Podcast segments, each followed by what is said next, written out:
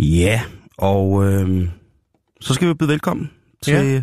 til et, øh, en omgang øh, dejlige øh, bæltestedet her, Ja. som jo øh, på grund af en lille teknisk Finurlighed? kværbabelse, ja, Ja. ikke lige startede, øh, som vi plejer. Men Jan, Det betyder ikke noget, Simon. det betyder ikke noget. Den, øh, den går op og ned hele tiden, og det bliver spændende at se, hvordan at, øh, programmet Ja. det kommer til at forløbe i dag. Men øh, mhm, mhm. vi skal jo i gang, Jan. Ja, det, det, det kan der være noget om, og det tror jeg faktisk også, du har ret i. Og der, der, hvor vi starter, det er jo, der hvor vi altid starter med breaking, breaking news her i løbet af, af ja, i dag. Og øh, vi er jo i, i særdeleshed et program, som har beskæftiget os i lang tid med det, som nu er Ja, det er jo ved blevet... at være et par år, faktisk. Ja, med det, som jo nu er blevet øh, aktuelt drama, og det er jo Klovne-gaten. Det er Klovne-apokalypsen, som stille og roligt er, ja, begyndt at Det er snige sig taget ind på os. Det har taget overhånd. Og vi har nu fået den første kontakt, eller den første, vi har fået Vi har ikke fået den. Vi Nej. har for første gang rettet kontakt til en fagmand, som øh, i den grad ved noget om øh, klovne. Og ham skal vi snakke med lidt senere, Simon. Men først så, så har du lige lidt... Øh, Ja, fordi det er jo sådan, at det første tilfælde af klovneapokalypsen er blevet registreret her på dansk jord, og det var altså omkring Fredericia, hvor en mand blev angrebet af, ja, unavngivende klovne med sabler og økser. Og det vil jo altså sige, at vi nu er i en, en tilstand, national tilstand af at må erkende. det, måtte jo, det måtte jo ske. Ja, det, det måtte jo- ske, og det er... Jeg ved godt, det er... Altså, man kan sige, det er måske... Og så alligevel ikke, men det er jo det, jeg ved, det er øh, lidt på, øh, over grænsen at sammenligne det. Men hvis vi snakker om de her forfærdelige, øh, de her forfærdelige øh, nedkast, der har været af forskellige øh, sten og alt muligt andet fra motorvejsbroer, det er også noget, der har, har spredt sig øh, helt trist, at der er nogen, der tænker, jeg ved, jeg ved ikke, hvad de tænker, men mm. i hvert fald så er det spredt sig til sådan en, en sørgelig form for trend. Og det her med klovne, det er nu også... Øh, Men det er alvorligt, når Spredt. man har, har noget, der kunne være våben med sig. Når man har sabel, når man har økse med ja. og ifører klovnemaske, så er man altså ude på et skråplan, og det er altså noget, som skræmmer rigtig, rigtig mange mennesker. I USA er det kommet så langt, at i mange amerikanske byer, der har McDonald's følt sig nødsaget til at fjerne Ronald McDonald, fordi at øh, simpelthen for mange, både børn og voksne, føler sig skræmte og ikke velkomne i, i det tvivlsomme øh, fødevareetablissement. Ja, og, og, og så også fordi, at der er jo, øh, hvad kan man sige, ikke nok med, at folk er bange, men der er jo også nogen, der reagerer meget kraftigt, fordi at de vil beskytte deres nærmeste. Og det vil jo ikke være så heldigt for Ronald McDonald. Nej, det er jo ligesom med mange andre forfærdelige ting, som vi oplever her i samfundet, at det er som regel kun øh, det brødne kar, som vi ser, og vi ser ikke, hvad de ellers gør af, af, af gode ting for nogen. Der er jo mennesker i Danmark, som ikke, som jeg, er bange for klovne. Ja. Og der er jo altså øh, masser af dem, som har nyt godt af de organiserede klovner. Der taler vi altså om klovner, som er installeret i, i forskellige sammenhænge. Det kunne være i cirkus for eksempel, men der er jo altså også Og hospitalsklovne. og hospitalsklovne, der er jo altså klovne, som så ikke er, øh, jeg ved ikke om de er blevet bedt om at forlade det etablerede miljø i bad standing, og om man skal på den måde drage paralleller, men der er i hvert fald rigtig mange ting, som tyder på, at der er et, øh, har været et, et, et voldsomt tryk på nogle af de her uorganiserede klovnetyper, og nu Mm. bliver der altså cashet ind ved kasse 1 i forhold til at, at gøre det stik modsatte af, hvad klovne egentlig er beregnet til at gøre, netop at skræmme folk og ikke bringe dem til dejlig latter og, og hygge. Vi har jo snakket om, at... Øh, eller ikke snakket om, der er blevet snakket meget om den her radikaliseringspakke, som jo altså handler om radikalisering inden for for eksempel når jeg religiøs overbevisning. Men jeg synes godt, at vi kunne få tilført et supplerende punkt vedrørende cirkusartister uden for klub. Det vil være i den grad, øh, der har også været en bandepakke på et tidspunkt, Ja, og jeg mener jo, de elsker pakker inde på borgen, du. det, det kan de Ja. godt lide, og så specielt herop til jul. Så jeg ja. tænker, at det vil være fint at, øh, at gøre det. Vi må jo antage, at de klovne, der ikke er i cirkus, er i bad standing netop, ikke? Og de er klubløse og har vel øh, som sådan ikke lov til at optræde i, i, i klubfarver, altså klovnetøj, store, store sko, rød næse, hvid makeup. Ja, nej, det er vel ikke kun cirkus, for der findes vel også, ligesom der er tryllekunstner, så er der jo også klovne, der tager ud til fødselsdage. Jo, men slags, det ikke? anerkender jeg ikke. Det gør du ikke. Øh, jeg, men jeg anerkender klovne, som har arbejdet i mange år med, med de her ting og sager. Øhm, hvad hedder det? Det er, øh, jeg tror, jeg, jeg, jeg vil skyde på, at det er, er blandingen af fritstillede klovne og prospects, der søger anerkendelse hos de etablerede, der har dannet det her grundlag for et opgør med, med, med de organiserede klovne. Og på nuværende tidspunkt, så må vi altså anslå, at de sidste mange angreb fra klovne har været udført af folk uden tilknytning til det organiserede klovneverden. Der tror jeg, du er fat i noget af det helt rigtigt. Lige præcis. Øh, det vi som det første må konstatere er, at vores lovgivning har tilladt disse mennesker at organisere sig ganske åbenlyst. Vi har jo stort set ikke kunne se idioterne for bare klovne. Og skaden den er sket, og vi vil nu handle derefter som land. Vigtigheden i at anerkende den nye form for krigsførelse har vi ikke været parate til, og derfor så bliver vi altså nødt til at gøre, hvad vi kan på nuværende stående fod. En form for bagholdsangreb skal nu administreres, og så skal der findes en strategisk ansvarlig løsning fra de forskellige lovgivningsinstansers side, således at vi kan komme der til livs, inden at det for alvor bliver en trussel imod vores velfærdssamfund. Mm. Jeg vil foreslå, at man i aften tænder et lys i vinduet for at vise, at klovnen ikke er velkommen her. Øh, ja. Det kunne være et fredeligt symbol, og lyset i mørket, kulden, lyset, ilden, varmen, det er den, vi gerne vil til gode se, og vi har altså ikke brug for uautoriserede klovne, som tager det gamle erhverv øh, i... Øh, fordav? I fordav. Altså, det, log, det, det, det eksponerer det jo som værende fordærvet, meget, meget, øh, ja, ikke velkommeligt, forståeligt øh, erhverv. Mm. Man kunne også i henhold til den danske jagtlovgivning øh, måske øh, lave et samarbejde. Det ville måske give mening at, at involvere både øh, Naturstyrelsen og politiet, således at man kunne regulere klovne, altså fange dem, de klovne, der er de onde klovne. Men det snakker vi jo om, men det er sidste uge. Ja, altså, altså ligesom vi har hundefangerbilerne i USA, så kunne man også have sådan en klovnefangerbil, lige præcis, der tager... Et, et stort net og et lille spor popcorn. De, og så, de, de falske klovne. Lige præcis, og så fange dem ind, og så bringe dem til behandling, således at vi kan undgå, øh, at øh, der sker yderligere skade. Og de mennesker, som jo altså er involveret i det her, uorganiseret klovneri bliver behandlet således, at de kan komme tilbage og måske øh, få et virke som værende øh, øh, en anden klovn. Ja. Men vi beskæftiger os jo øh, som sådan med Ja, der er sket meget derude, og vi skal sige tak til lytterne for alle øh, de links. Ja. Øh, vi jo, kan vi sige, vi jo godt være på forkant med tingene, men nu har den danske presse jo så efter to års tid jo også valgt at kaste øjnene øh, så, øh, på på problemet. På problemet. Ja. Så derfor så er vi jo nødt til at steppe lidt op, og det gør vi jo øh, så nu ved at øh, ringe til en øh, fyr, der hedder Michel Højer, som er næstformand i den øh, internationale forening, der hedder Clown International, og den er etableret tilbage i 1946, så det er altså, øh, der er nogle gamle klovne med i den klub der. Michel, du skulle gerne øh, være igennem. Hallo, hallo? Jeg er igen. Jeg hørte dem lige for lidt siden. Michel, er du der? Yes, det er han. Hej Michel. Pæn goddag, pæn goddag. Pæn goddag. Øh, du har øh, klovnekunstnernavnet Nietski. Simpelthen, det er rigtigt, det er ja, mig. det er dig. Og øh, du har øh, selv været klovn i knap 25 år, er det ikke rigtigt? Jo, det, øh, jeg har, jeg har været rundt i de 23 år som klovn nu, ja. Øh, hvordan ser du på den her sådan, øh, udvikling øh, som næstformand for den her internationale forening. Hvordan ser du på den her udvikling, som der jo i den grad, øh, synes vi i hvert fald herinde, har taget overhånd? Jamen altså, man, man kan jo sige, at vi øh, som, eller jeg som klovner, men også som organisation, vi sidder hovedrystende og tænker, det er jo totalt øh, håbløst. Men stadigvæk så tænker vi også, øh, at øh, vi er nødt til at med et budskab ud og sige, jamen, de er jo ikke klovne, de er nogen, der klæder sig ud for at gøre mennesker bange. Mm. Og øh, det gør vi jo så ikke. I, det, I, I er jo til for at sprede glæde, jo, kan man sige. Så det er jo, det, det er jo lige det omvendte, ja.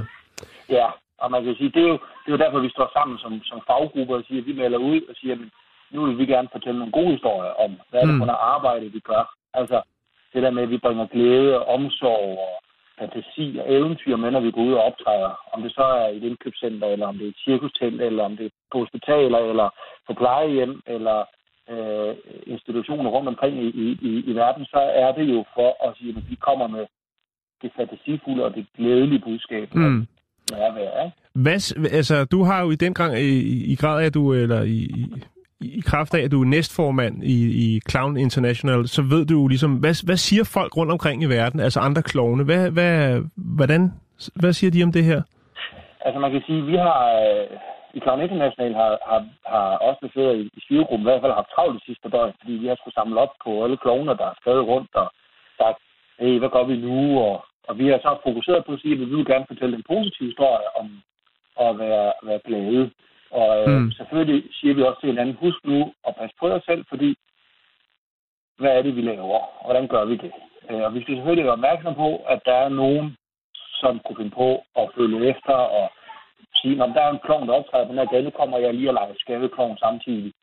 Mm. Øh, og det er vi bare nødt til at tage afstand fra, kan man sige.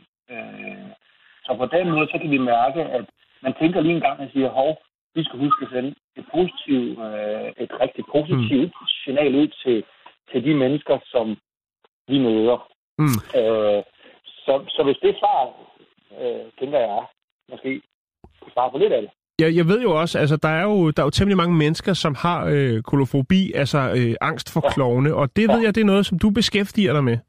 Ja, altså man kan sige, det er vi faktisk rigtig mange klovne, der gør på den måde, vi siger, jamen, og man møder et menneske, der er bange for, for klovne, så siger man, jamen ved du hvad, jeg vil da gerne tilbyde dig at arbejde med din forbi. Øh, det jeg gør, det er jo så, at jeg siger til folk, jamen øh, hvis nu det for eksempel er et teater, jeg skal optræde, så inviterer jeg de her folk backstage, og så kan de se, hvordan jeg bliver sminket, altså hvordan klovn bliver til, altså forvandlingen fra menneske til klovn. Ja. Jeg sidder og snakker og griner, og måske bliver lige lavet ballondyr, mens man svinger, eller det altså, fordi så får folk at se, at, at vi er jo faktisk ikke farlige. Vi er faktisk ikke harmløse og er nogle store legebørn. Mm. Har det rigtig så, de, så de følger processen? Ja, og, og, og det har, jeg, har vi oplevet, eller det har jeg personligt oplevet rigtig mange gange, hvor man har mødt mennesker, der nærmest har været ved at besvime, når de så en klog til, at når man så har brugt den her halve time på det her menneske, øh, så sidder de og siger, ej, nu tør jeg altså godt at gå i cirkus igen. Ja, øh, men altså har du, op, har du oplevet, at folk lige, ligefrem begynder at græde, når de har set dig? Ja, det har vi oplevet nogle gange. Okay, altså, det er, og det en, af dem kunne fakt, en af dem kunne faktisk være Simon Jul, som er, jo, jeg laver program her sammen med, fordi han er øh, altså virkelig, virkelig bange for klovne. Jeg har været ja. bange for klovne. Hej Michelle, jeg har været bange hej, for klovne siden, øh, siden jeg var helt lille. Og ja. der har ikke rigtig været nogen forklaring på lige præcis, hvorfor det var. Og det har jo ikke været fordi, at jeg har set, øh, set øh, Stephen King-filmen 1, som jo altså faktisk er på vej tilbage. Der er blevet lavet en genindspilning af den og sådan nogle ting, jeg siger. Ja. Øh, men nu, når vi sidder og snakker her, så kan jeg jo godt... Altså, det er jo først, når du tager klovnestemmen på, at jeg bliver bange, ikke? Ja. Øh, så, så, så når vi sidder og snakker her, så er det jo, så er det jo bare for at få syn for sagen. Ja. Øhm, hvad gør vi konkret, hvad gør I danske klovne konkret i Danmark for at prøve at opretholde en nogenlunde besindig øh, tilstand øh, generelt ude i samfundet omkring de her klovne? Altså nu hører vi jo altså, at der har været det første angreb i, øh, i går, tror jeg det var, i Fredericia, hvor, øh, ja. hvor, og, hvor at nogen igen tager jeres øh, tager, øh, altså et, et kvælertag på jeres, på jeres fagområde ved at angribe tilfældige bilister i klovnemasker med øh, sabel og økse. Hvad gør I konkret her i Danmark for at finde ud af, prøv, er der nogen, som simpelthen, altså nu siger du, at I prøver at, at skabe budskab, prøver at vinde det med kærlighed, med at skabe budskabet om, at I kommer med omsorg og grin og sådan noget, siger. Men internt i klovnebevægelsen i Danmark, hvad, prøver, hvad, hvad gør I det? Prøver I at simpelthen finde frem til nogle brødne kar, nogle forhandlere, som ikke skal forhandle de her masker, eller, eller hvad, hvad gør I? Det gør vi faktisk ikke, fordi at man kan sige, det er jo, altså mange er jo faktisk, der er jo rigtig mange af de her, det er jo sidder og bygger deres masker selv, kan man sige. Altså, ja. timer på det. Så det vi gør modsat, det er jo at sige, at vi prøver at tige det på en måde, men stadigvæk, når vi henvender os til medierne, så er det med den gode historie, den positive historie, siger, jamen, husk nu, det her, det er nogle få mennesker øh, i, i, i forskellige lande, som gør noget dumt, øh, som vi gerne vil sige, men hov, det er jo ikke os. Fordi som vi plejer, altså vi siger, at vi melder ud nu her i pressen i de sidste år, det er jo, at man bliver jo for eksempel ikke en politibetjent af at gå ned i en, en, en, en kostymebutik og købe sig en politikostyme. Nej, det er selvfølgelig rigtigt. Du bliver heller ikke øh, overlæge af at købe dig en kittel. Øh, du bliver heller ikke klovn ved at tage en scary mask på. Nej. Øh, men, men det, er der jo, det er der jo mange i offentligheden, som ikke kan vide noget om. Øh, ja. og, og, og, og, og i situationen, hvor man bliver presset ved at blive skræmt, kunne man forestille sig, at I organiserede øh, jer klovne, der er i, ja, i klovneforening, altså en officiel klovneforening, eller man kan kalde det, ja. måske kunne bære et eller andet symbol, således at man vidste, at ligesom med et økologimærke, at man vidste, det her det er altså en, en, en, en certificeret, en, en certificeret miljørigtig klovn, som ikke vil noget ondt, men kun forstår, hvad du siger, Simon. Øh, altså et, et, et, et flag, eller et, altså et, et, ja. et, en bandana, eller noget, som ligesom ja. symboliserer, at vi har altså fjernet os fra det her ja. meget, meget modbydelige angreb på vores fag, øh, fagkultur. Og derfor så ja. vil I altså altid kunne genkende en vaskeægte klovn ved at, at kigge på et eller andet, som han har med. Det kunne være en, altså et, et lille dyr, eller ja. en helt speciel form for ballondyr, man kun kan lave, når man er en dygtig klovn. jeg, forstår, jeg forstår helt klart, hvad du siger, man kan sige, også som repræsentanter inden for organisationen Klar Internationalt, vi har faktisk et badge på vores jakke, der står vi med i, i Klovn Internationalt. Er det rigtigt? Nå, sej. Kunne du eventuelt Og- sende det til Jan, så vi kan lægge det op på vores øh, Facebook-side, så man kan, kan se, hvad man i hvert fald kan kigge efter? Hvad kunne være garant for? Ja, det kan du tro. Det Nå. kunne jeg sagtens gøre. Det vil, Ja. altså, Øh, og så kan man jo sige, det som er et kendetegn for en, en rigtig klovn, det er jo, at, at man faktisk ikke sætter sig frem og skræmmer, men vi faktisk kommer med et smil, og vi faktisk tager øjenkontakt med folk og øh, siger hej. Og øh, vi har altid tryllekunstner i lommen, eller balloner, eller så har man en, et tøjdyr i lommen. Altså, der er så mange forskellige gradueringer i at være klovn. Så Ja. ja. folk, jeg vil faktisk næsten med, med, kunne sige, hvordan jeg har optrådt i verden, har jeg ikke oplevet nogen, der har sagt, jeg er ikke i tvivl om, du er en rigtig klovn, men jeg er bare bange for selve det her. Og så har jeg kunne gå ind og sige, kan jeg hjælpe jer med det? Mm. Så på den måde, så, så de klovne, jeg kender til i Danmark, og jeg kender til i Europa, og også i USA, og øh, i, i, øh, i Amerika, og, og i, i spansktalende lande, de er alle sammen meget arbejde med øjenkontakten og den personlige kvalitetstid Mm. mellem øh, Publikum. dem, man møder. Ja, mellem publikum, Ja. ja. Lige Så, så det er helt tydeligt at se, øh, når det er en rigtig klovn. Altså jeg vil sige, det har allerede hjulpet lidt på min kolofobi at have en samtale med en person, som vedkender sig, at han er klovn på et tidspunkt af døgnet, og så er han ganske almindelig Michelle på et andet tids, tidspunkt af døgnet. Ja, ja. En ting, som jeg lige en, en ting, som jeg har, har tænkt meget over, og som jeg simpelthen bliver nødt til at spørge dig om, nu når jeg har eksper, ekspertisen her i, i røret. Øh, den klassiske hvide klovn.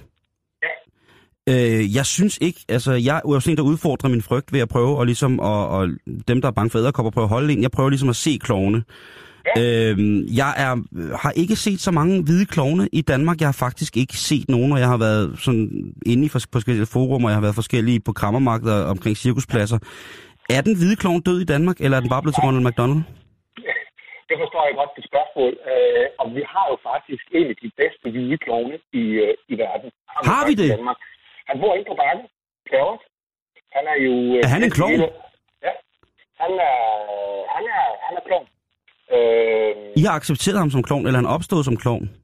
Pjerrot er faktisk startet som, som klovn øh, tilbage i dengang historien startede med Pjerrot som mellemsvend. Fordi han legede og hyggede sig sammen med børnene. Så det er Øh. altså den, den klassiske hvide franske klovn, øh, Mon ami Pierrot. Altså, Ja. det er, det er blevet taget til det her glade menneske. Altså, det er jo noget positivt og pjerret end den, den klassiske hvide klovn. Ja, ja. Det er jo noget Altså, teatralsk har- foretagende. Det er du fuldstændig ret i. Og man kan sige, at i selve teaterklovnerollerne, så er den hvide klovn jo også den mere øh, bestemmende klovn, den der skal opdrage på, på, på August. Altså klovnen, der falder på halen, klovnen, der ikke kan finde ud af noget, den skal den hvide klovn opdrage, og op, opdrage på. Øh, og, og der har vi nogle enkelte, men vi har ikke så mange, at jeg kender til af hvide klovne i, i Danmark. Men man kan sige, og nu må jeg, hvis jeg må komme med en udfordring til dig, Simon, så, så kan Prøv. jeg jo sige, jamen, øh, jeg vil ikke have noget imod at sige, hvis du inviterer mig ind bag i studiet, og så kunne jeg lave et publikum sammen med dig, og, og så øh, kunne vi tage en kop kaffe først, og så snakke som du og jeg, og så kunne du se forandringen. Jeg tager udfordringen. Ja, Det Jeg tager synes vi skal udfordringen, finde ud af, Michelle. Michelle. Du skal være mere end velkommen herinde Hvad i hedder studiet. det? Prøv at høre, Michelle. Tusind tak, fordi du vil være med her i, Bæltestedet. Det er eneste radioprogram, der har fulgt med i udviklingen af, øh, hvad klovne ikke skal være, øh, og hvad vi gerne vil have, de skal være. Vi er meget glade for, at øh, du er med. Og jeg har taget din udfordring op. Du bliver inviteret hen i studiet på et tidspunkt, og så skal, jeg så skal min forbi udfordres for åben mikrofon. det lyder som en aftale. Tusind tak. Og hvis du har, nogen Ja. brug, øh, hvis du har brug for hjælp i henhold til at komme øh, ind og få foretrædet i, i Folketinget for at tale om det her, fordi der skal noget, nogle midler til at bekæmpe de falske klovne, så vil vi gerne være med. Fordi hvis der er én ting, vi på nuværende tidspunkt i Danmark på intet, ingen måde har råd til at tabe, så er det evnen til at grine af hinanden. Fuldstændig rigtigt. Jamen, det er jeg glad for. Og fortsat god dag til jer. Jo, Tak tak, skal du have. Michelle. Tak. Ja. Hej. Hej, hej. Hej du. Sento che qualcosa sta spingendo nella pancia. Forse, forse, forse è la mia cacca. Forse, forse, forse è la mia cacca. Puha, Jan. Jeg får allerede sådan lidt øh, hjertebanken og sved under banæskannerne øh, af at at forestille mig, at jeg skal på åben mikrofon øh, udfordres af, af, af Michelle. Ja. Men, men, men dejligt at høre, at, han, øh, at, at de danske klovne ligesom er, øh, er, er ops på det her, og at der får ro i miljøet omkring, hvad, hvad der sker, og de nok skal tage, Ja, tage, det tage skal varm. løses, lige ikke, kan man præcis, sige. præcis. Øh, faktisk så var Michelle jo også med til, øh, til det her, sådan, øh, der var i pinsen, var der jo øh, sådan et øh, klovne kom sammen øh, i, det har nævnt faktisk også som fredags øh, weekendaktivitet Ja. øh, i Svendborg. Og der var der faktisk allerede dengang, der var der, øh, eller der i pinsen, der var der altså nogle brødne kar, der var i gang, fordi at øh, da der var den her klovnefestival i Svendborg, der øh, var der faktisk øh, noget, skidt der noget i den lokale fakta på Tolbodvej om fredagen, øh, fordi omkring kl. 18.30, øh, der var der altså øh, to klovne, som stjal en øh, bakke nektariner i øh, Fakta. Øh, de to mandlige 20 var smækket i ansigtet og klædt ud som klovne, og den ene havde en paraply med ind i butikken. Og de øh, stjal altså en øh, bakke øh, nektariner. De manglede næser. De manglede næring, tror jeg bare. Mm. Altså, klovne spiser ufattelig mange nektariner. Men der blev de så også sat på plads, ikke? Øh, de, altså, om de blev taget? Mm. Nej, det gjorde de ikke. De kunne blande sig i mængden. Der var jo klovnefestival i byen, Simon, så de øh, kunne hurtigt forsvinde. Men øh, det er bare for at sige, der, der har ligget lidt og ulmet. Ja. Ja, nå, men øh, jeg synes, øh, Michel han skal være mere end velkommen. Vi må lige finde ud af, hvornår det Ja. passer. Jeg ved, at Michel han bor i Holbæk, øh, så vi skal lige finde ud af, hvordan han forledes. Men Ja. han skal være mere end velkommen, Det- og jeg glæder mig til, at han skal, skal Du kommer til at dø af grin, og jeg kommer til at dø af skræk. afklovne dig. Jax, må vi få en uh, news jingle? Mm-hmm. Har du gode news? Ja, jeg tror, jeg har en uh, lille, lille ting eller to. Må der, jeg vil fortælle lige om lidt så? Nej. Så vil jeg langt om længe fortælle den, øh, den historie, jeg havde om øh, Pablo Escobars næsehorn. Den har jo ligget og ulmet hele ugen. Men, Men det inden bliver i da- dag. Du skal være så velkommen til de korte nyheder. Ja, yeah. Den sad lige i det var faktisk meget god. Ja, jeg ikke? anerkender. Øh, men øh, lad os da lige kigge lidt på verden rundt omkring os, fordi hverken værre eller bedre, så øh, er der... Øh, øh, er der nogle ting, der er, gået helt galt i, i det store udland. Og Det kommer ikke bag på mig, Nej, sige på den Og måde. det, og det er ikke, det har, det er ikke, altså udover klovnene selvfølgelig, så er det, så sker der jo uanfægtet af, af det, selvom det burde være øh, omdrejningspunktet. Øh, så, øh, ja, så er der altså blevet arresteret et dyr igen. Ja, Og det er jo noget, vi beskæftiger os med, når dyr bliver arresteret. ja det, vi har jo haft både geder og duer. Ja. Og, ja. Som er blevet arresteret af, af i måske i vores optik lidt mærkelige årsager. Men nu har vi altså en kylling, som er blevet arresteret, fordi den prøvede at krydse en meget trafikeret vej i England. Og øh, Øh, i Dundee. ja. Det var simpelthen midt i myldretiden, at øh, en øh, bekymret og rasende bilist kontakter ordensmagten og siger, at øh, I bliver nødt til at tage ud på den og den vej, der øh, går en høne rundt. Og den er pisprovokerende, og I bliver nødt til at gøre noget ved det. Altså en Så- provokerende høne. Ja, politiet skyndte sig så til, til stedet. De var blevet oplyst om, at hønen skulle befinde sig, og tog den i varetægten, og så blev den simpelthen øh, arresteret. Så de tog den her ky- kylling med tilbage til, øh, til hvad hedder det, øh, til politistationen, hvor at øh, de fandt ud af, hvem ejeren var. Og øh, så blev ejeren faktisk også anmeldt til det, der svarer til dyreværnet for øh, og ikke at ansvarligt at håndtere sin bestand af høns. Fordi mm. der var en, øh, en høne, der var blevet stukket af, og øh, muligvis var i gang med at begå et selvmord. Øh, den havde måske set, hvad, hvad, der, hvad der sker med høns i, i bur, og så tænkte den, det, den, den skæbne kan jeg ikke være tjent med, jeg bliver nødt til at tage mig selv af dage, og, bok, bok, bok, bok, og så ud på motorvejen, og så er det, været, så det så ligesom været det. Øhm, noget andet, som jeg lige skal runde her øh, på, på det her, det er jo, at øh, jeg er gået i gang med at arbejde på øh, den portal, som hedder stjerneportalen.dk. Ja. Jeg vil lige lægge et link op på vores øh, Facebook-side, og det er jo altså en hjemmeside, hvor man kan lære noget om hekse. Jeg er jo ja, ikke sådan en, der ligger... og snakkede om det i går. Hvad, Ja, hvad jeg- har du gang i? Jeg, jeg er jo ikke sådan en, der ligger på den lade side, Jan, hvis der er noget, som jeg synes, der bliver, øh, bliver nødt til at blive ændret. For eksempel skal jeg øh, gå fra at bruge sorte skraldesække til gennemsigtige osv. osv. Ved du hvad, så køber jeg bare sorte skraldesække mm. For gennemsigtige. Jeg, jeg tager action, du ved. Ja. Skal jeg bruge øh, de billige batterier, eller skal jeg bruge de dyre batterier, eller hvad skal jeg gøre? Jeg tager de opladelige batterier. Jeg tager ikke noget pis, Jan. Jeg bruger, så bruger jeg opladelige batterier. De skal, Altså genopladelige. Lige præcis. Ja. Ja. Undskyld, ja. Det er Jeg okay. kan, ikke, jeg, kan ikke, jeg kan ikke overskue det der. Skal der hvid, eller skal der, skal der øh, rød du på i aften? Jamen, jeg lægger der hvid dyb på, hvis jeg har lyst.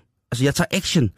Og i den her klovne ting, nu har vi så lige snakket med Michelle, og det har givet mig en, et my af forhåbning til, at vi kan ordne det her i ro og fred.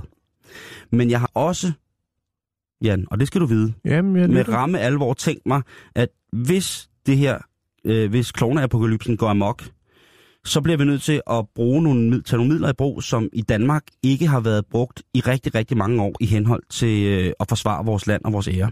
Mm-hmm. Og det er, øh, det er simpelthen øh, magi. Ja. Det er heksekunstner. Ja. Det er trolddom. Ja. Og der er jeg gået ind på Stjerneportalen, fordi det er en side, som, øh, hvor man kan lære noget om, om clairvoyance, Dalai Lama, DNA-aktivering, delfiner, Er der ikke nogen opskrifter på noget heksebryg? Det har jeg altid godt ville... healing af dyr, husrensninger, håndlæsning, jordstråling, kanaliseringer, kiromati, klarsyn, konspiration, øh, new age, new age musik, raw food, for, altså spirituelt. I det hele taget en side, hvor at blandt andet øh, de folk, der udøver den øh, smukke ting Vika, altså som er den her øh, heksekunst, der lægger sig op af naturen, øh, de ligesom florerer. Og der, øh, er der er ingen opskrifter. på heksebryg. Ja, Øh, du altså skal flagermusknæ og Ja. alt det der, der nu skal... salamanderånde og Ja. øh, ja nej, øh, Altså, det tænker jeg, hvorfor er ikke lavet sådan en, en, en bog Ja. nu i, i disse moderne tider? Der er det- raw food, det er da ikke særlig Nå, men altså prøv at høre, der er, Det er ikke ikke så hekseagtigt. Nej, nej, nej, raw food. Ja. Nej, det er bare lort. Øh, hvad hedder det? Jeg tror, at... Øh, Ja, men det er fiberholdigt lort. Jo, jo, jo, og det er skide sundt. Hvad hedder det? Øh, jeg tror, at heksealderen kommer over os igen. Og ikke noget med heksejagt og sådan noget, men jeg er ret sikker på, at øh, de mennesker, der behersker trolddom og magi øh, på, på naturens betingelser, jamen det er dem, som i, i det hele taget lige pt. styrer, men også øh, kommer til at træde frem som værende dem, der skal frelse os. For eksempel for klovne, fordi jeg tænker, at det eneste, vi nu har at arbejde med i henhold til klovneapokalypsens øh, ankommen her til, til dejlig Danmark, det er jo, at vi bliver nødt til at vige, altså vi bliver nødt til at holde de her klovne på afstand af vores, vores byer, eller vores, vores land i det hele taget, med magi. Sort, sort magi. Jeg tror ikke mm. på, at man be- kan bekæmpe en sådan slags klovneondskab med god magi. Jeg tror simpelthen, at vi bliver nødt til at grave dybere ned i det, og netop øh, lave en, øh, noget, noget stort heksebryg, stå i en fugtig øh, grotte og, og, og, og ulme med noget Det sort kunne være et kalkbrud. Det kunne sagtens være et kalkbrud, ja. det kunne være en granithule på, på Nordlandet i Bornholm. Der er mange steder. Men vi bliver nok nødt til at indse, at, øh, at vores administrative ordensmagt har spillet for lidt. Vi er blevet angrebet af noget, vi ikke havde set komme, fordi at vi er så langt op i røven på alle mulige andre problematikker, som vi synes, der skal løses først og fremmest.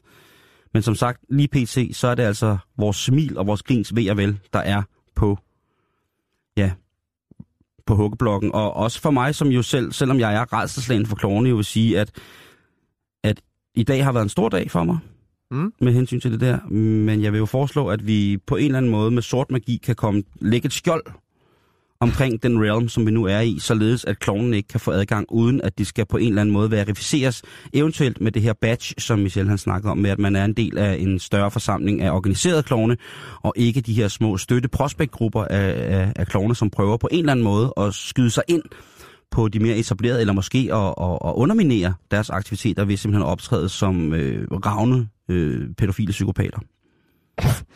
Ja, okay. Så du mener, at der, øh, vi, vi skal til at lege nogle hekse op, hvis det går fuldstændig amok med de klovne her? Det øh, mener jeg i den grad, at vi skal have noget sort magi til at lægge skjold omkring vores realms, ellers så bliver vi taget i Det røven af kan gå klovene. hen og blive rigtig interessant. Lige præcis. Ja. Men ved du hvad? Du Nå. ved, hvor du hørte det først. Ja. Har du nogle, øh, nogle nyheder af, det- af den mindre, øh, mindre slags? Jeg kan da godt smide en enkelt ind. Øh, en fin lille historie, Simon. Kom med den, fyr den af, bror. Fra Kina, fra Guangzhou, eller Guangzhou, eller hvad meget det hedder. Ja, altså, vi får tit på, øh, på næbet over, hvilke udtaler alle de der fine, fine byer rundt omkring i verden korrekt. Men, øh, Det, det er med alle de der kinesiske, der er mange ja, og de australske og sådan noget. Men sådan er det. Men der er en, og det er ham, vores russiske ekspert, Torben Ries. Jo, jo, Tom TJ. Ries. Ja. Han er sgu for vild. DJ Tom Ries. Ja. Men det er også fint nok. Vi kan sagtens tage det. Det er sekundært i øh, vores øjne. Det handler om at finde lidt historier, så kan man selv google sig til resten, hvis man vil have den perfekte udtale og tænker, det er det, jeg har brug for i min hverdag. Alt Præcis. skal være snorlige. Ja. Nå, nu skal du høre her. Hvad sker der i Kina? Det handler om en, øh, en ældre herre, der hedder Shen Hua. Og øh, grund til, at jeg siger ældre, det er, fordi han faktisk er 94 år. Ja, så er han jo deroppe af. Så er det ved at være slut. øh, en, ja, det er jo det, der er spørgsmålet. Sidste salgsdato er ved at være der. En ung fyr, han øh, i øh, Guangzhou, han er nede og dyrke sit øh, daglige fitness, og øh, møder så øh, Shanghua, som er 94 år, og han træner nede i træningscenteret. Shen Hao, han øh, har trænet, altså vægtløftning, styrke, træning, fitness, om man vil, siden han øh, fyldte 70. Han kunne godt mærke, at det var begyndt at, at, at knage lidt rundt omkring i kroppen, og så tænkte han, der er kun én vej frem, og det gør som de unge. Jeg må ned og lave noget fitness. Jeg må ned og træne mine muskler med nogle håndvægte. Og øh, nu er han altså øh, 94 år, og Bænker 600 kilo. træner stadigvæk. Øh, Jeg har faktisk fundet, fordi ham her, den unge fyr, som går ned og træner, det er derfor, han skal med i historien, han øh, laver faktisk lige en lille billedserie, hvor man ser øh, ham her, Muscle Grandpa, som de kalder ham, og øh, du kan se, ham han er her. Han er 94 oh. år, Simon. badass. Og han, øh, Dyb anerkendelse. Ej, hvor ser han, og hvor ser han rar ud. han ser Han ser mega, sød ud. mega flink ud. Ja. Og han, øh, han er altså blevet sådan en, en, en form for øh, maskot for det her, øh, det her træningscenter. Du kan se, her sidder han lige og, og giver en gas. Og han sidder jo altså vel at mærke i bar overkrop. Ja, ja, selvfølgelig. Han skal giver jo, en fuck. Han Han skal, giver en fuck, han skal ham jo der. vise, øh, altså, ikke? Han har jo trods alt øh, trænet en del år, ikke? Så, så der er lidt at vise frem. Øhm, og han er altså blevet sådan en eller anden form for, for maskot, altså sådan en, altså, det, der, der er jo en, en, en stor respekt omkring ældre mennesker i Kina, Ja. eller i Asien generelt. Lige præcis. Må man sige, her der putter man dem bare, ja, man lader dem være, øh, man Kommer lader dem være i deres eget hus eller lejlighed, og, og, og når man så ikke hører noget fra dem et st- stykke tid, så tager man hen og siger, nå, de lever stadig, men de kan nok ikke klare resten selv. Den sidste øh, rejse Ja, op men- til der øh, forberedelserne, så må ikke de skulle ind i stedet, hvor de kan sidde i en lille bitte lejlighed, og der kommer nogen og lige smider noget mad på bordet. Der er sikkert nogen, som vil ønske, at de fleste gamle mennesker, som ikke havde nogen, der kunne hjælpe dem, bare skulle sidde i en blå tønde, så de kunne sidde der, indtil de sad Mm. i, i lort til halsen i bogstavelig forstand. Han øh, praler med, eller det gør han i hvert fald sidste år, at han kunne lave øh, 10 chin-ups øh, i træk. Øh, men han siger, at øh, Er han det er ikke... armhævninger, eller hvad? Ja, Ja. det tror jeg nok. Det, det ved jeg ikke. Det er sådan moderne. Øh, ja, men det, det kunne han i hvert fald. Kropshævninger. Ja, og øh, han kan jo godt mærke, at alderen den trykker lidt, så han siger, at han har ikke rigtig brug for at give den så meget gas mere. Han tager det stille og roligt. Han træner øh, en time hver dag, øh, og han ved godt, at han skal spare lidt på energien, fordi energiniveauet er ikke lige så højt, som da han startede med at træne, altså da han var 70. Solstråle. det, der, det er en ja, solstråle. det er, det, det er super, super fin historie. Prøv at jeg lægger lige nogle billeder op af Shenhao, og så kan man se den her flotte 94-årige ældre herre, som øh, simpelthen bare øh, Giver den gas. er fit for fight. Okay, super.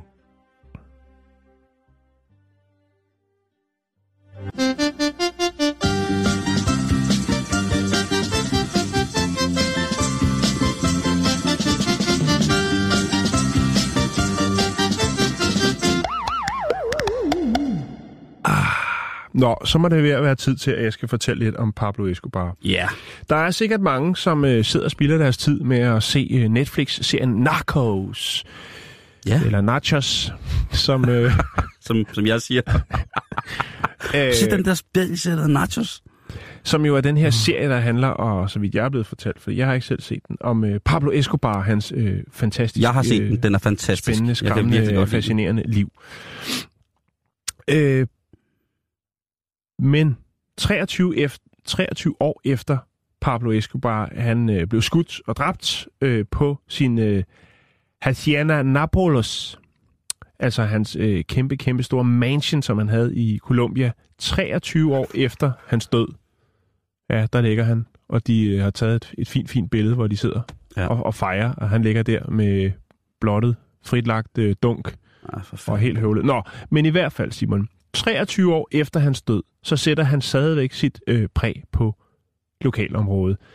Den her mansion og den ejendom, altså hele den, det område, han havde, det var øh, siges, man ved det ikke helt, men det siges at være omkring 20 kvadratkilometer. Det vil sige, det er ni gange større end øh, New Yorks Central Park.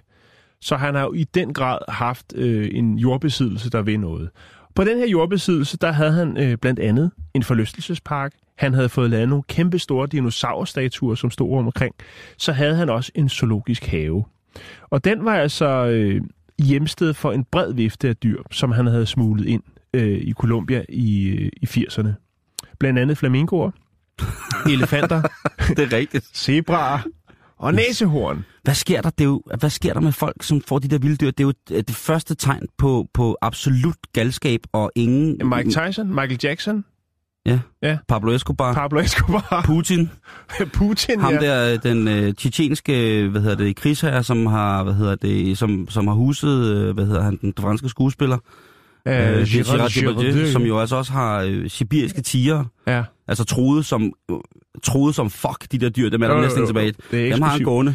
Nå, men øh, man Det er et kan godt tegn, Jan. Det, det er noget, man altid kan sigte efter, hvis Ja. man lige pludselig kommer hjem til morfar, han så har seks påfugle og en, og en Jo. Jeg, jeg kendte en gang ældre herre, som også havde haft mange penge på et tidspunkt. Han boede op i Gilleleje, hed hans tingmand. Han købte en lame, som han havde stående ud mod vejen, og så kom folk for at kigge på den, og så øh, stod den og hakkede efter mig. Det synes han var mega sjovt. Det starter altid med en lama. Ja. Nå, men i hvert fald i den her zoologiske have, der var der også øh, næsehorn, og det er dem, der er problemet. Nå, Fordi at... Øh, jeg skal lige sige, at det her, den her mansion blev beslaglagt, beslaglagt af myndighederne i 1990, og Pablo Escobar blev dræbt i 1993. Øh, og han var jo, om nogen nok, den mest succesfulde kriminelle nogensinde. Han havde, altså, han havde jo milliard millioner, det kan vi lige vende tilbage til, og dem havde han jo størstedelen tjent på øh, handel med kokain. Og så havde han jo også temmelig mange drab på, virksom, øh, på samvittigheden. oh, det må, det må man Øh, nok. måske Han, ikke på første hånd, men så længere nede i kæden var det jo... Ja. han har Nå. peget. Men næsehornene, Simon, det er dem, det handler om. Fordi at øh, den her kolumbianske Robin Hood, han øh, fik altså også blandt andet bragt fra Kalifornien fire flodheste til sin zoologiske have. Og øh, Player, player. det menes, at øh, ja, de, der er 40 af dem i dag, der stadigvæk bor i Hacienda Napolos, men der menes, at der er 30-35 næsehorn, som er undsluppet fra det her område. Og de er simpelthen, øh, de driver øh, nabobyerne, blandt andet den, der hedder øh, Dorada, der driver de simpelthen øh, folk på flugt, fordi de er så aggressive, og de giver ikke en fuck, de her 35-35 øh, næsehorn. Og øh, altså, det er sådan noget med, at en, en kvinde, der hedder øh, Rosa Bla, øh, hun siger, øh, jeg hørte nogle, nogle frygtelige skrig, og tænkte, hvad er der sket? Er, nu, er, nu, øh, altså, er vi nu tilbage i, i, de, i, i de gamle dage, hvor Pablo Escobar, ligesom, øh, hvor der godt kunne være udspille sig noget, nogle skuddueller eller et eller andet skrækkeligt ja. i det område. Det var det ikke. Det var simpelthen næsehornene, som trumlede igennem byen. De havde været nede ved floden, og så var de ellers bare begyndt at gå igennem øh, byens gader og splitte ting ad og skræmme øh, børn fra videre sands. Børn, der var på vej i skole. Åh, oh, gud. Så på den måde kan man sige, der har øh, denne her sådan, øh, kolumbianske Robin Hood jo, som i den grad også støttede op om lokalbefolkningen. Jo, altså mange mennesker hjalp han jo.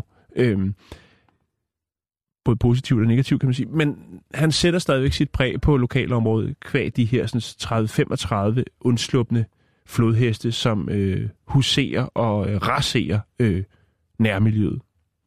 Det er ret vildt, øh, hvad, hvad Pablo Escobar han har betydet for, for hvad hedder det, øh, for Colombia og for, for, for hele øh, den der mærkelige verden. Øh, på min, øh, på min afgymnaliserede øh, obligatoriske, jeg skal skulle til Sydamerika og opleve noget tur, der var jeg jo i øh, Colombia, fordi jeg synes, det var sjovt, at jeg var nede og besøge, øh, hvad hedder det, det der hedder øh, Reserva Nacional Natural nu, øh, Park, som er, eller Nucac, som er et naturreservat, hvor jeg besøgte øh, en, en by, som hedder Medu, øh, som ligger lige øh, op ad grænsen til, hvad hedder det, øh, til Venezuela, eller til, til, til Amazonas, Venezuela, øh, og så skulle jeg så rejse videre øh, til, øh, øh, til Bogota, og jeg var i Bogota, og så skulle jeg så op til den by, øh, der hedder Turbo, som ligger i, i ude, ved, ude ved kysten. Ja. Ja. Øh, og øh, jeg tænker, øh, det vil være ret fedt at, at komme ud til kysten der øh, og besøge både Turbo og Monteria i Colombia. Og jeg tænker så, så tager jeg sgu bussen, fordi jeg har nogle dage, så jeg kan godt lige, øh, du ved... Slow traveler. Ja, lige præcis, og se en masse- ung og havde masser af tid. Og, Jeg elsker jo at, at, at, at rejse på mærkelige måder, eller sådan lidt, du ved, hvis man kan Mm. blaffe en tur med en hønsehandler eller eller andet. Det er, det er det fedeste i verden jo. Og der tager jeg så bussen fra Bogota mod, øh, og får at vide, det er nogenlunde den, den vej der mod, mod, øh, mod kysten. Øhm, og på et tidspunkt, der vågner jeg så op i bussen, som er stanset i en by. Øhm, og der, vi har kørt rigtigt, det er sådan, de, de siger, det tager nogle dage at komme ud med den bus der. Men det er fint, det passer mig helt perfekt. Man kunne måske stå i en by og sådan noget, og, og, og så øh, ja, på et eller andet øh, tidspunkt. Øh, og Jeg vågner så op i en by, hvor at det, det er sådan ret, det er en stor by, og man holder den her rutebilstation, og jeg spørger så øh, buschaufføren på det skraldespansk, jeg nu kan, øh, hvornår, kan vi komme, hvor, hvornår kan vi videre mod kysten? Og han siger så, det er han ikke rigtig sikker på. Og så siger jeg sådan, men, altså min billet gælder jo nu, altså her, der, så, så siger han, jamen den vil gælde altid, øh, så længe det er samme bus, øh, jeg kører med. Jeg finder så ud af, at øh, vi er stanset i Medellin, som jo er den her by, hvor at øh, mange af de her store karteller holdt til i slutningen af 70'erne og stadig gør i dag. Mm-hmm. Og absolut ikke er sådan en go-to-by, øh, hvis man er i Colombia. Man bliver faktisk kraftigt Det var anbefalet. faktisk i, også i den by, at Pablo Escobar han startede sin øh, kriminelle løbebane Lige præcis. øh, med, som cigaretsmugler og ved at stjæle biler. Og lige præcis. Og, og, og i Medellin, der var der altså en stemning, som var fuldstændig sådan gennemsyret af, at ordensmagten på intet tidspunkt havde haft noget at skulle have sagt. Stadigvæk. Jeg ventede i to dage på, at bussen kørte videre. Og da bussen kørte videre, så var det ligesom sådan, den eneste, der skulle med af dem, der havde siddet i bussen, sådan antager jeg, det var, øh, det var mig. Og vi kørte i, i, igen og ud mod, øh, og så stansede vi nogle forskellige steder, og der blev læsset nogle forskellige ting af, og man, jeg sad jo hele tiden.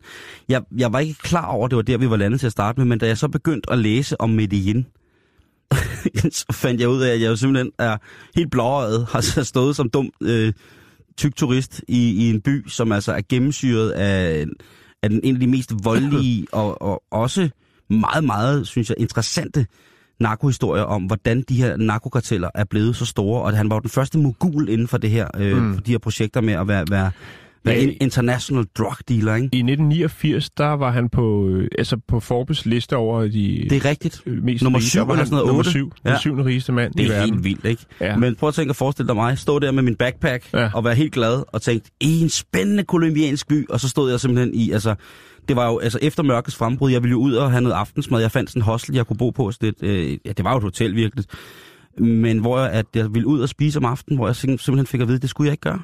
Jeg skulle Nej. blive på hotellet og Du tænke, er, din negle. er det forbi, at fordi at der er, altså du ved, øh, at de, de vil have, at jeg har mine penge på hotellet til maden.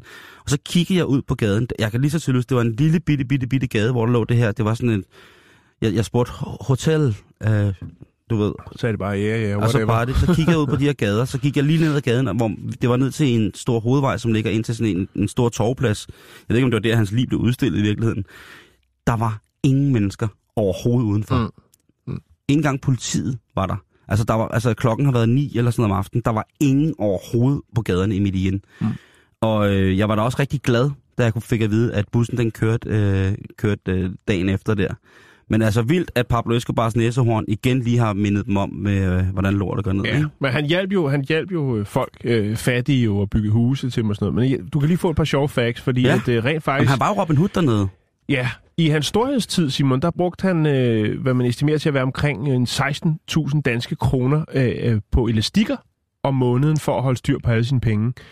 øh, Ah. 10 procent af hans øh, fortjeneste på narkosalg øh, om året, de, de, dem kunne han godt afskrive, skrive, fordi de blev beskadiget af vand eller spist af rotter. Vi har faktisk haft en historie med en mand, der gemte sine penge i et lille hul, hele sin øh, Pension. pension, og den blev et af rotter, øh, eller blev ødelagt på en anden måde. Øhm, faktisk i 70'erne, der øh, gik det jo så godt, så han havde øh, 15 fly, 6 helikoptere, og så havde han endda også to ubåde. Øh, så han har, han har i den grad øh, været en, en, der... Og stadigvæk i dag sætter han sit præg på en anden måde også, fordi der er faktisk øh, en kolumbiansk landmand, der på et tidspunkt, han skulle etablere en, øh, en øh, hvad hedder det, det var faktisk i Medellin, han skulle etablere en øh, plantage, hvor han skulle producere palmeolie, og så kom han selvfølgelig i gang med at grave ud og fælde oh, er træer og sådan noget, og så dukker der altså lige 600 millioner dollars op, som selvfølgelig har været Escobars, som Ja. har ligget gravet ned et sted. Ja. Ja, men det er så... Det er så man tør slet ikke, altså jeg tænker, det er da et perfekt sted at tage hen på, på ferie. Nu siger du godt nok, der er lidt halvfarligt, men hvis man kan finde 600 millioner dollars, så er det da, så er det da værd at overveje. Ja, det tror jeg vist nok, det er. Altså i hvert fald i forhold til at plante en, øh, plante en, en kokospalme. Nå, vi skal til et nyt torsdagstiltag.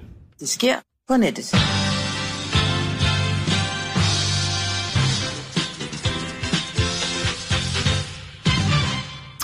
Ja, og det sker på nettet er jo øh, vores øh, elektroniske lille, øh, hvad kan man sige, øh, holdeplads. Ikke at vi på nogen måde går et ellers andet udmærket Nej, program. vi går, ikke, vi går ikke analogt øh, med alt det andet, vi har, men, Nej, nej, nej, men, men nej, vi nej. kommer ud i afkrogene, hvor at øh, folk jo øh, efterspørger eller tager stilling til nogle af livets store og små Mm. spørgsmål. Og øh, for et... Øh, for et par dage siden, Jan, så åbnede du vores lugtesans op for Mac-lyset. Altså Ja. det her lys, som skulle dufte af en ny, øh, øh, hvad hedder det, Apple-computer. Ja. Og øh, ja, uden at have duftet til døde Steves lys i mørket, så får jeg nok aldrig nogensinde brug for lige præcis det. Jeg er inficeret nok af æblemandens net fra de døde, kan man sige. Altså min æble, samling af æbleprodukter er efterhånden øh, an, anselig. Men en ting, jeg kan love jer, kære lyttere, er, at den her nye gadget, duften af data, den kunne jeg godt forestille mig. Og Duft, duften af data. Lige præcis, det var det, jeg sagde. Og nej, det er ikke et lys. Ja. Det her, det er en meget, meget snedig alarm til dig og dine data. Det er en alarm, som når den detekterer en usikker hjemmeside, eller en eller anden form for u- øh, kontakt til et usikkert øh, sted på nettet, ja, så gør den lige sådan her. Og så stiger der en duft af dårlig data ud i, øh, i rummet, hvor du sidder. Og hvordan ser sådan en ud? Det skal jeg nok forklare, at jeg kommer til at lægge den op på, på nettet. Det ligner sådan en lille af de der små sneboldlysestager, som man har, men så er det altså bare i vir- virkeligheden sådan en frequency spreder. Det er en lille elektronisk styret flakon, som altså har både wifi og bluetooth i sig. Ja. Det er den Det hollandske... være genialt, hvis hun kom til toilettet, så, så når, når ligesom døren blev lidt for tung, så kom det til at dufte af Dårlig data. dårlig data. Jeg ved det ikke. Øh, det er den hollandske duftkunstner, ja, det hedder det, som hedder Leon Arishenmar. Vein, Weinsmar. Nej, Ja. Le, le, Lige præcis. Rigtig hedder hold Le, Leon Weinsmar. Og den her lille sinistreg har hun be, be, be, begået øh, egentlig fordi, at øh, hun har styr på, hvad vores sanser kan minde os om. Det dufter ifølge kunstneren altså lidt usundt. Altså, det dufter lidt som, som hun siger, det skulle gerne dufte som om, at når man brænder noget elektronisk af, sådan en lille kortslutning, sådan duften af lidt brændt plastik. Øh, det lyder lidt, umiddelbart lidt, ikke. lidt, lidt frisk lodning. Ja, lidt løjet fedt, ikke? Lidt løjet til. Og, øh, og det er jo ikke sådan, at man får kvalme eller noget, men det er bare en duft, som ligesom alarmerer en. Og det, hun tager udgangspunkt i, det er, at en af de måder, vi er bedst til at huske på, det er via vores lugtesans. Lugtesansen er en af de sanser, som bare er aller, aller dygtigst til at sende, øh, sende nogle signaler til, til, til, til vores hoved om øh, lige præcis, hvad det er, vi er i nærheden af. Og det er jo altså en sans, vi navigerer med, både øh, bevidst, men også ubevidst. For eksempel, Jan, øh, hvis man sidder og ser fjernsyn, eller ser noget på computeren, og så ser man for eksempel et billede af en dejlig, saftig pære. Ja. Mm. Og hvis du er glad for pære, en dejlig, saftig pære, Eller hvis man sidder og ser den store bagdyst. øh, det gør man ikke, Nej. øh, så får man lyst til en pære. Ja. Men hvis du øh, synes, at pære er noget af det mest forfærdelige, så hvis du ser sådan en dejlig, saftig pære, så får du det mega sløjt. Ja. Og det er jo fordi, at din, dine receptorer går i gang med ind i kraniet, eller ind, ind i hovedskallen på dig selv, ligesom at sige til dig, prøv at høre, Det, det, det du- kan du ikke lide. det du ser nu, det kan du ikke lide. Det er og så, Hvad? så bliver der skabt en eller anden form for Negativ. negativt øh, psykologisk, øh, øh, et, et, et underskud over for produktet, man har i syne. ja. Øh, men en af de, og, og, det er jo noget, man kan huske. Det er jo også ligesom sådan, at hvis vi kommer hen imod mod et eller andet sted, som lugter dårligt, så går vi jo uden, vi navigerer udenom. Ja, Igen- en, der lugter dårligt. I, lige præcis. Igen vores Ja. lugtesand, som ligesom siger, prøv at høre, det, det, det vil jeg ikke byde mig selv. Ja. Elementet til, til denne forfærdelige duft, den, lugt, den kan jeg da ikke byde mig selv, jeg går udenom. Så gengæld, hvis vi dufter noget dejligt, så tænker man, amen, amen, amen, amen. Lige præcis. Nu triller jeg hen mod det der, fordi jeg skal i hvert fald lige se, hvad det er. Vi kan huske lige præcis, hvad det er, at der er godt og hvad der er dårligt. Og det er jo ikke noget, vi kan forklare som sådan, hvad der lige præcis elementet af senden er, det er, der er godt eller dårligt. Vi ved bare, at det er enten godt eller dårligt. Og det er også det, når der kommer en eller anden duft, der er, altså, og det kan være helt sådan øh, ubevidst, og det er det jo så ikke alligevel, men man kan sige, hvis du cykler for eksempel en, en efterårsdag, og der er nogle specielle træer, som er ved at, at blive lidt, lidt, øh, lidt gule og lidt røde, mm. og det giver en, afgiver en duft. Har du aldrig prøvet det? Så, Jo, så jo, får man jo, en jo, flashback jo, til, jo, jo, det minder jo. mig om den gang nede for, for enden øh, af haven, eller nede i gården, at der, der stod lidt træer, det duftede, når man legede og klatrede i det. Så Præcis. det og det, det er jo så effektivt, fordi det er jo nogle ting, som man normalt ikke lige går og tænker over. Men de der dufte, Hvis der er en, der åbner en dør ud til øh, udenfor i en film, så kan jeg dufte, ligesom når der er jeg går ud på min øh, altan derhjemme. Ikke? Så dufter der, jeg kan få en fred. Altså, jeg er min Santos vold mange gange. Ikke? jo jo, Øh, i begge ender. Lige præcis. Og, og, det, og det er både på, på, på det gode og det onde. Ikke?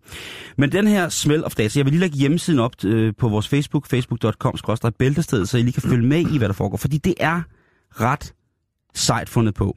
Og det er ikke sådan en lille bitte ting, fordi at øh, hende her, den lydkunstner, eller duftkunstneren, siger jeg hun er altså øh, kommet i øh, fint selskab med det, der hedder Air Scent, som er altså et, et firma, som fremstiller dufte, for eksempel sådan nogle sprays til nye biler eller til bilfabrikker, hvor man ligesom skal understrege en læderduft, eller Ja, der var også ham, der hed, ja, hed Martin, der havde skrevet en bog, der hedder Brand Sense, og han arbejdede med det med dufter til forskellige, dufte til forskellige flyselskaber. Lige så når du trådte ind i et fly fra Egypt Air eller et eller andet, så havde de en speciel så duftede der en signaturduft. Ja.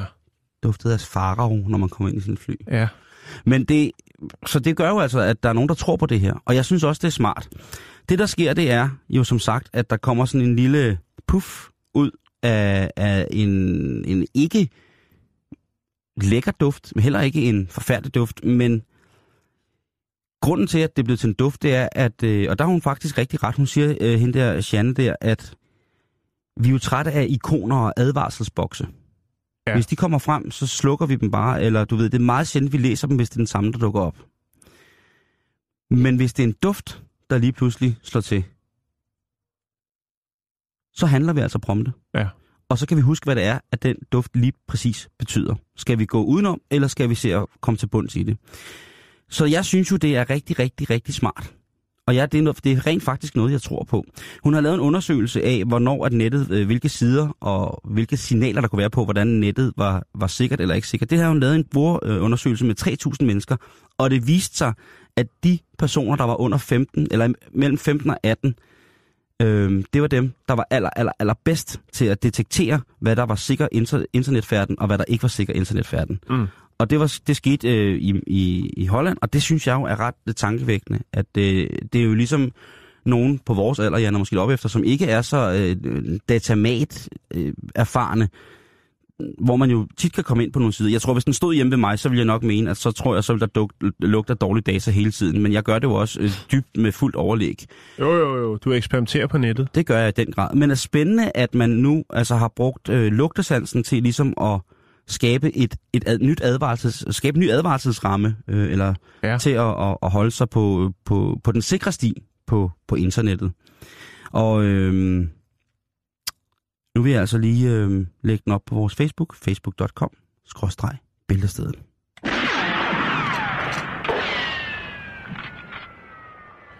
Vi slutter lige om lidt en dag. Der er Ja. lige kommet en, øh, en, en her fra Jesper L. Jacobsen, som skriver, Hej Simon, øh, fedt, øh, fedt at du har været i Medellin. Øh, jeg flytter selv øh, et halvt år til byen om to uger. Øh, har en del venner, som har besøgt byen, øh, og den har været igennem øh, en kæmpe udvikling, siger han.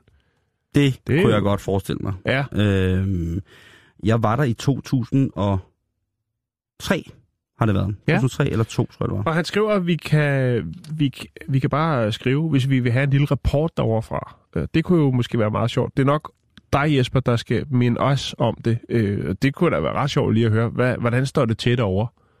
Hvordan går det over i Pablos baghave? Ja. Øh, har, de fået styr på, på næsehornene? Det, Ja, det er vist øh, ikke der, de er, men, men, øh, okay. men, men øh, stadigvæk øh, er det, øh, kunne det da være meget sjovt at høre, Mm. når vi Og, mulighed for øh, det. og Jan, det blev også det, som vi når i dag her Ja. fra, øh, fra Bæltestedet. Til gengæld så er der nyheder lige om lidt, og efter det så er der øh, rapporterne, og Josefine er kommet i studiet. Hej Josefine. Hej. Hvad Hej. Skal der ske i øh, rapporterne i dag? Uh, ja. øh, vi skal dække, øh, ja, vi skal dække SU-demonstrationen, der foregår på Rådhuspladsen her i Yes. København. Øh, vi skal tale med nogle af, af de hjemmeboende gymnasieelever, der står til at miste små 800 kroner.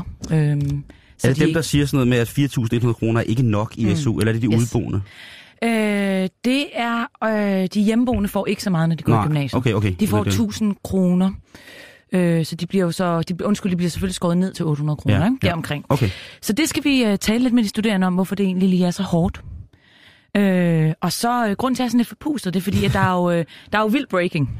Ja, Mm. Altså, der er, jo, uh, der er jo dobbelt op på breaking bjælken i dag, ikke? ja, ja. Ja. Bob Dylan har jo uh, fået... Modtaget. Ja. Nobels fredspris. Nobels, nej, det har han dog ikke. Nej, det var Men, øh, litteraturpris. det var litteraturprisen, ja, ja, dog. Det var svært sejt. Øh, og han har jo aldrig nogensinde skrevet en bog. Så det synes vi er lidt interessant. Det prøver Ja. vi at Ja. grave lidt i.